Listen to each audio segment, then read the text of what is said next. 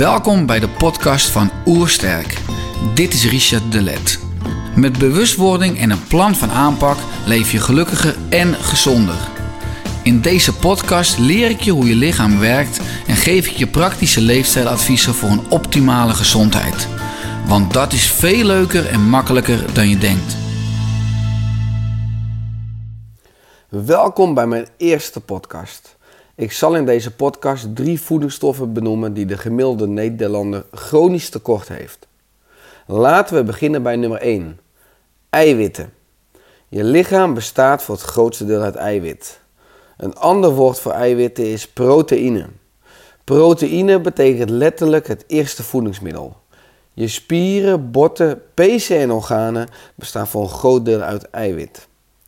Je lever kan zijn werk bijvoorbeeld niet goed doen zonder voldoende eiwit. En ook heeft je hormoonhuishouding eiwitten nodig om alle hormonen goed aan te kunnen maken. Het immuunsysteem functioneert suboptimaal bij een eiwittekort. Het is zelfs zo dat een tekort aan eiwitten hoge bloeddruk kan veroorzaken. En dat het verhogen van de hoeveelheid eiwit hier de bloeddruk kan verlagen. Concreet heb je ongeveer 1 gram eiwit per kilo lichaamsgewicht per dag nodig. Zelf weeg, ik 70 kilo, dus ik heb ongeveer 70 gram eiwit per dag nodig. Eh, in bijlage 4 van mijn eerste boek Oersterk vind je een overzicht van de hoeveelheid, van hoeveelheid eiwitten in voeding. Een ei bijvoorbeeld 7 gram eiwit, een portie kabeljauw is ongeveer 200 gram, is ongeveer 50 gram eiwit. Een haring is ongeveer 14 gram eiwit. 100 eh, gram kipfilet of mager rundvlees is ongeveer 25 gram eiwit. 150 gram uh, kwark is ongeveer 10 à 20 gram eiwit. Uh, groentelepel peulvruchten, ongeveer 60 gram peulvruchten, is ongeveer 5 gram eiwit. En een handje amandelen, ongeveer 20 gram, is ongeveer 4 gram eiwit. Nou, je ziet, je moet best wat natuurlijke vormen van eiwitten eten om ook voor voldoende eiwitten binnen te krijgen en de eiwitbehoeften van je lichaam af te kunnen dekken. Natuurlijke eiwitbronnen zijn, zijn dus eieren, zijn paddenstoelen, zijn noten, zijn zaden, zijn zeegroenten, bladgroenten, gevogelte, vis, maar ook insecten die natuurlijk steeds meer eh, terugkomen in de huidige supermarkt. Uh, je kan ook eventueel uh, je eiwitbehoefte aanvullen met uh, proteïnepoeder. Ik zou dan met name kiezen voor hennepproteïnepoeder in plaats van wijpoeder. Omdat henneppoeder veel minder irriteert in je spijsvertering en ook veel minder je hormonen, maar ook de hormonen in de hersenen, de neurotransmitters, uit balans brengt. Dus kies liever voor hennepproteïnepoeder in plaats van wijpoeder of sojapoeder. Nou, tot zover de eerste stof uh, waarin de gemiddelde Nederlander een chronisch tekort heeft. Uh, een eiwit is een macronutriënt. Dat is eigenlijk net zoals een koolhydraat en een vet. En de volgende twee stoffen waar de gemiddelde Nederlander een chronisch tekort aan heeft, zijn micronutriënten. Nou, ik start met vitamine D3 als tweede voedingsstof waar veel Nederlanders een chronisch tekort aan hebben. Uh, zonlicht uh, zorgt voor de aanmaak van vitamine D3. Vitamine D3 is essentieel voor je bloedvaten, je botten, organen, hersenen, zelfvernieuwing en het immuunsysteem. Een tekort geeft niet meteen klachten, maar op de lange termijn, dus in jaren, vergroot een tekort aan vitamine D3 de kans op chronische aandoeningen. Eh, de Wereldgezondheidsorganisatie, dus de WHO, de World Health Organization, eh, heeft als reactie geadviseerd een hogere vitamine D3 bloedwaarde na te streven.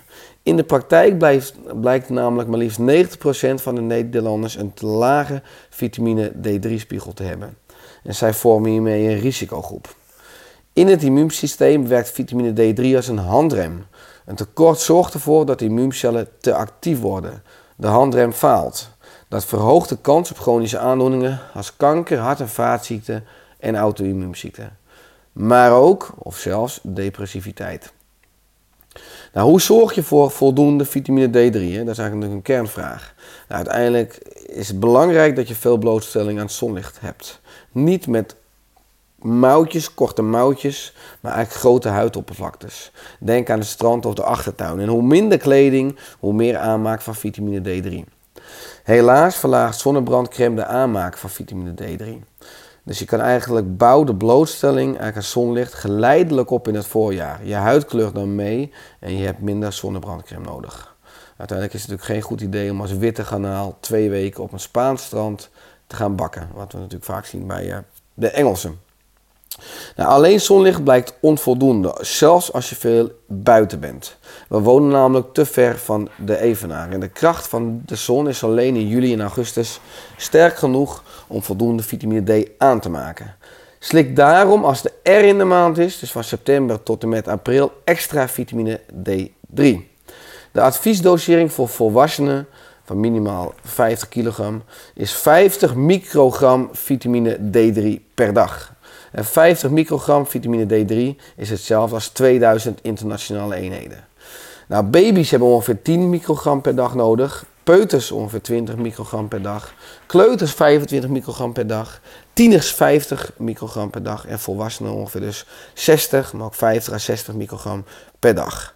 Nou, onthoud, als de zon schijnt, hè, alleen als de schaduw korter is dan jezelf, maak je vitamine D3 aan in je huid. Dus als de schaduw langer is dan jezelf, dan maak je geen of onvoldoende vitamine D3 aan in je huid. Nou, wil je echt precies weten wat je vitamine D3 gehalte in je bloed is, dan ga dan naar je huisarts, prik bloed en laat het vitamine D3 gehalte checken. En een bloedwaarde van 80 nanomol per liter vitamine D3 is eigenlijk een ideale basiswaarde. Nou, als je lager zit dan uh, 37 heb je flink tekort aan vitamine D3. Nou, als je tussen de 37 en de 80 zit, heb je een matig tekort. Nou, 80 en tussen de 250 nanomol per liter is optimaal. Maar uiteindelijk kan je vitamine D3 is een vetoplosbare vitamine. Dus kan ook zich, als je te veel uh, vitamine D3 inneemt, uh, zich toxisch giftig gaan stapelen. Dat is boven een waarde boven de 375.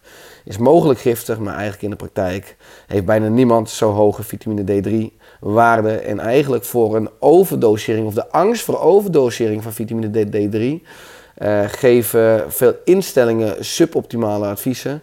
Maar omdat de instellingen ook bang zijn voor een overdosering, blijft eigenlijk iedereen rondlopen met een chronische onderdosering. Dus uiteindelijk in de praktijk zie je veel eerder dat mensen te weinig vitamine D3 hebben dan te veel. En de optimale waarde is ongeveer 80 nanomol per liter, wat je eventueel kan prikken via je huisarts. Nou, als je het prikt en als het te laag is, slikken dan extra. Heb je geen zin om het extra te gaan slikken, nou, dan kan je eventueel natuurlijk tuinman in Griekenland worden met korte mouwtjes, zodat je altijd voldoende vitamine D3 in de huid aanmaakt onder invloed van het zonlicht wat in Griekenland schijnt. Nou, de derde en laatste voedingsstof die ik in deze podcast zal behandelen is jodium. Jodium is enorm belangrijk voor de hersenontwikkeling. Een tekort aan jodium in de zwangerschap kan klinisch zichtbaar worden in een lager IQ. Jodium wordt nu aan bakkerszout toegevoegd en dit zout vervolgens aan brood. Nou, volgens veel reguliere experts moeten we dus brood eten om aan voldoende jodium te komen. In essentie is dit waar, omdat veel mensen nu uh, een jodiumtekort hebben, uh, is het eigenlijk natuurlijk wel onlogisch om voor deze mensen veel brood te adviseren, omdat uiteindelijk het bakkerzout waar jodium aan toegevoegd is, weer aan dit brood toegevoegd is. Brood is eigenlijk een onnatuurlijk ja, een koolhydraat met negatieve gezondheidseffecten bij veelvuldig dagelijks gebruik. Nou, in de hoofdstuk van Oersterk heb ik hier ook uitgebreid over geschreven. Nou, door veel gezondheidsboeken, waaronder Oersterk, eten steeds minder mensen brood. Het, broodgebruik is bijvoorbeeld in 2013 met 2% verminderd. Nou, artsen willen nu weer brood weer terug hebben op de ontbijttafel. Zelf vind ik brood geen optimaal mensenvoedsel. Het is uiteraard wel belangrijk om jodium dan uit een andere bron binnen te krijgen als je geen brood eet. Nou, dit redden weinig mensen, dus dat is absoluut een punt waar meer aandacht voor mag zijn. Nou, oorspronkelijk krijgen we jodium uit de zee, hè, uit witvis, uit zeegroenten. Uh, in mijn kookboek Oerstek eten, die ik samen met orthomoleculair diëtist Jolanda Doornbos heb gemaakt, heb ik expres een podium voor zeegroenten gemaakt. Hè. In dit, uh, dit kookboek vind je een wakame salade, een Oosterse zeewiermix, een sushi roll en zelf uh, kan je dan zeewierchips zelf maken van nori. Je stofwisseling is intiem eigenlijk met de C verbonden. Nou, dat zien we mooi terug in ons lichaam. Je mineraalsamenstelling van je bloed is hetzelfde als de mineraalsamenstelling van zeewater. En de vetzuursamenstelling van je hersenen is hetzelfde als de vetzuursamenstelling van zeevoedsel. Het onderschrijft hoe belangrijk zeevoedsel in onze ontwikkeling is geweest. Nou, zelf eet ik wekelijks zeewieren, pasta. Dus in plaats van een pasta van granen eet ik zeewierpasta. En zeewierpasta is een rijke bron van jodium, vezels en omega-3 vetzuren. Ook strooi ik regelmatig 5 zeewierenpoeder over mijn avondeten.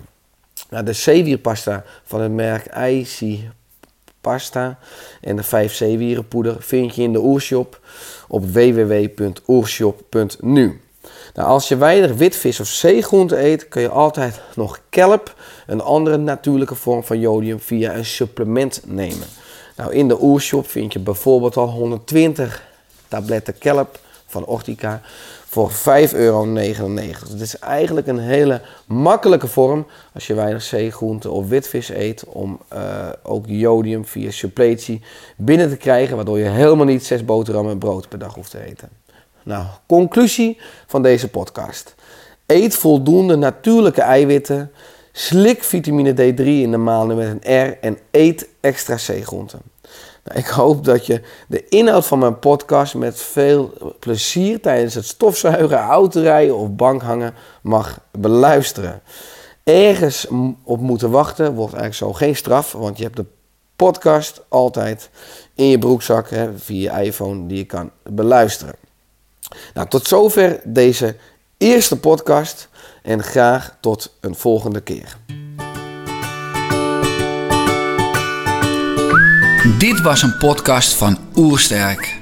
Ga naar www.oersterk.nu als je meer informatie wilt. Is je lijf je lief? Leef dan preventief. Graag tot een volgende podcast.